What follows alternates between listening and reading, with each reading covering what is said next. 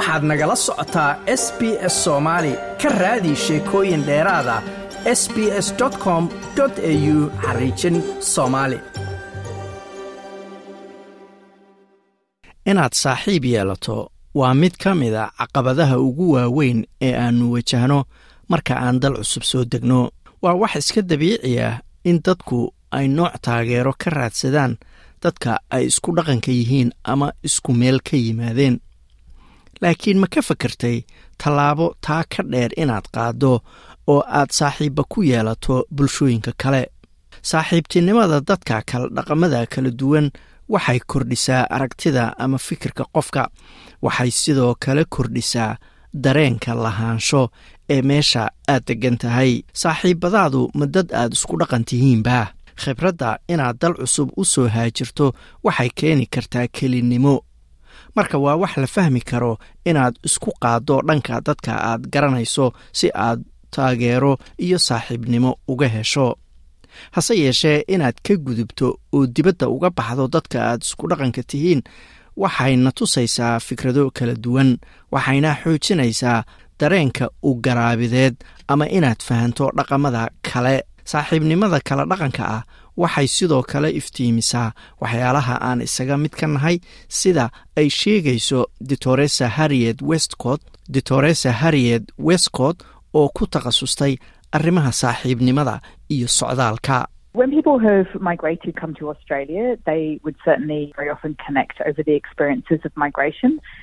Markaa dadku yimaadaan australia waxaa isku xira khibradooda soo galootinimada waxaa jira noocyo kala duwan oo soo galootinimo marka sababaha dadku u soo socdaaleen way kala duwanaan karaan.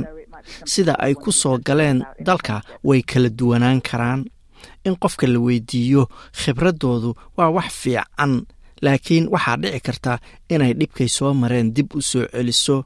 Marka waa arrin ay tahay inaad xasaasi ka ahaato haddii aad la saaxiib la noqoto qof arrimahaasi soo maray waxaan ku kalsoonnahay dadka sideenna oo kale u fakera sida ay brofesorad catherine gomez oo ku takhasustay isgaarsiinta bulshooyinka dhaqamada kala duwan kana tirsan jaamacadda armit ay leedahay. Laakiin waxaa jira caqabado.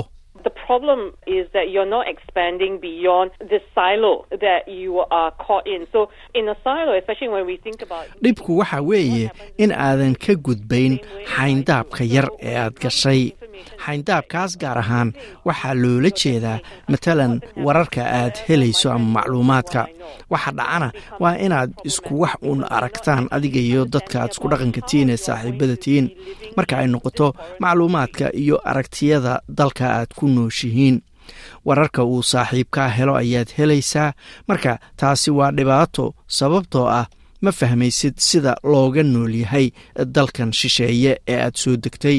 Maxaa dhacaya haddii aad xaalad adaga kula soo daristo oo aad caawimaad u baahato ma garanaysaa sida looga jawaabo ama waxa la sameeyo. Mid ka mid a sababaha ugu muhiimsan inaad la saaxiibto dadka kaa dhaqan duwan waa isdhaafsiga macluumaadka sida ay sharaxayso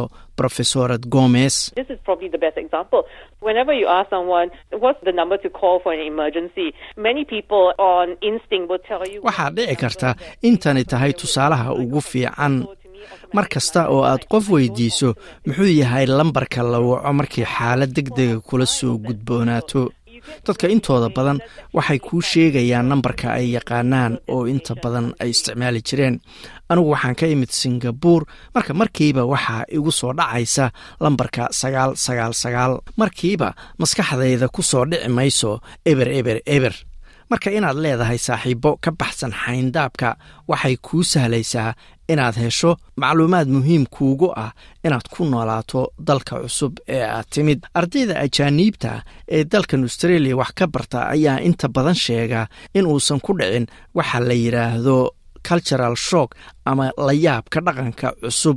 Ayna dareemaan inay si fiican ula qabsadeen waddanka marka ay yeeshaan saaxiibo waddanka u dhashay hase yeeshee rofesorad gomez ayaa maqasha in ardada ajaaniibta ee jina ka yimaada inaysan lahayn saaxiibo ka baxsan ardada kale ee jiniiska ah. Xataa saaxiibada saaxiibadood waa jiniis marka waxay ku dhex jiraan waxa loo yaqaano wareeg aan dhinacna looga bixin ama cultural bubble wax la yidhaahdo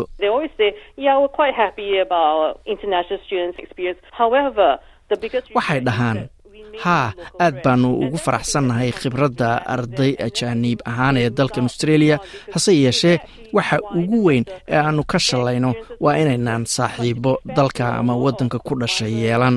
Dadka dalka ku dhashayna laftoodu waa inay garowsadaan dhibaatooyinka ay dadka dhowaan dalka yimidi wajahaan iyo muhiimadda ay leedahay inay noqdaan kuwo dadkaasi soo dhoweeya. Inaad weji furan oo saaxiibnimaha u muujiso dadkaas cusub aadanna xukumin. Waxa weyn ayay ka taraysaa inay saaxiibo la noqoto.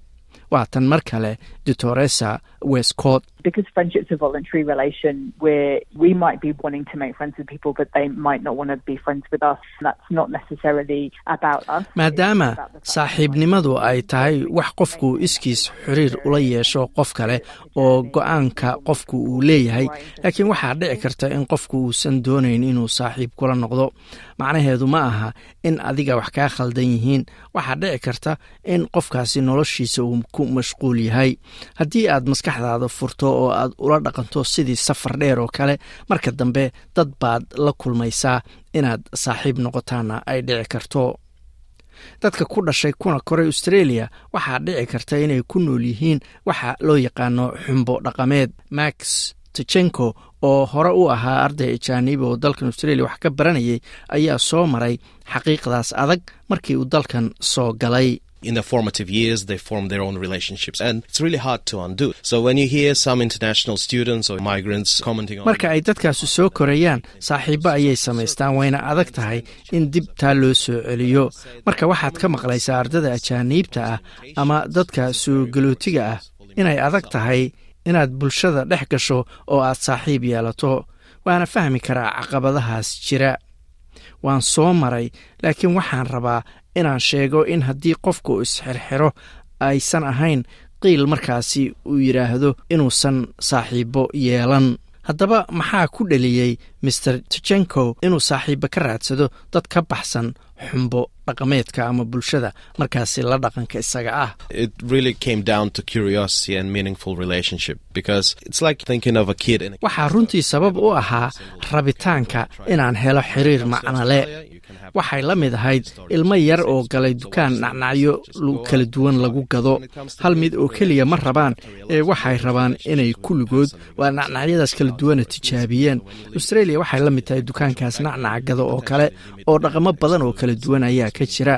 Marka waan isku dayeyey inaan dad kale la saaxiibo.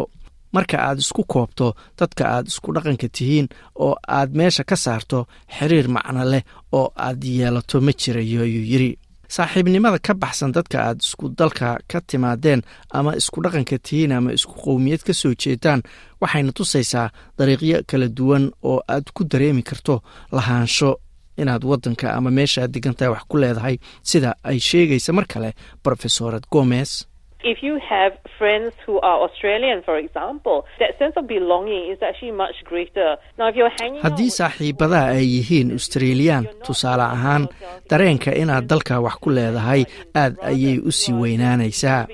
Haddii aad la socoto dad adiga oo kale ah ma dhexgelaysid ama ma baranaysid bulshada lana qabsan maysid meesha aad ku nooshahay.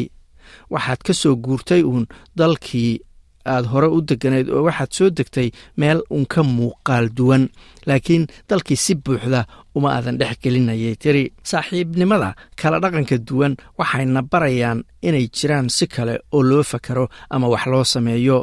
Rofesorad gomez waxay isku haysataa inay iyadu tahay waxay ku tilmaantay euroasian waxay ku dhalatay singabur marka australia timidse waxay qiimo weyn u aragtay inay xiriir la yeelato dad iyada ka duwan I actually went out to talk to anyone. It's important to get to know the people that you are going to be close to. If you're a migrant, you're getting to know runtii people qof kasta ayaan la hadlayey waa muhiim inaad barato dadka kugu dhow haddii aad tahay soo galooti inaad barato dadka kaa duwan oo deriska kula ah. Dadka dukaanka aad cuntada ka gadato safka kugula jira.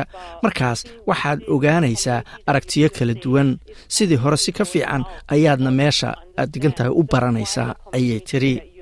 Marka ay noqoto inaad burburiso waxa loo yaqaano xumbo dhaqameedka. Dadku waxay ka hadlaan cabsi ama inay adag tahay sida ay u yeelan lahaayeen saaxiibo kale sida uu leeyahay maer tijenkow laakiin cabsi ha u ogolaan inay kaa hor istaagto inaad saaxiiba yeelato.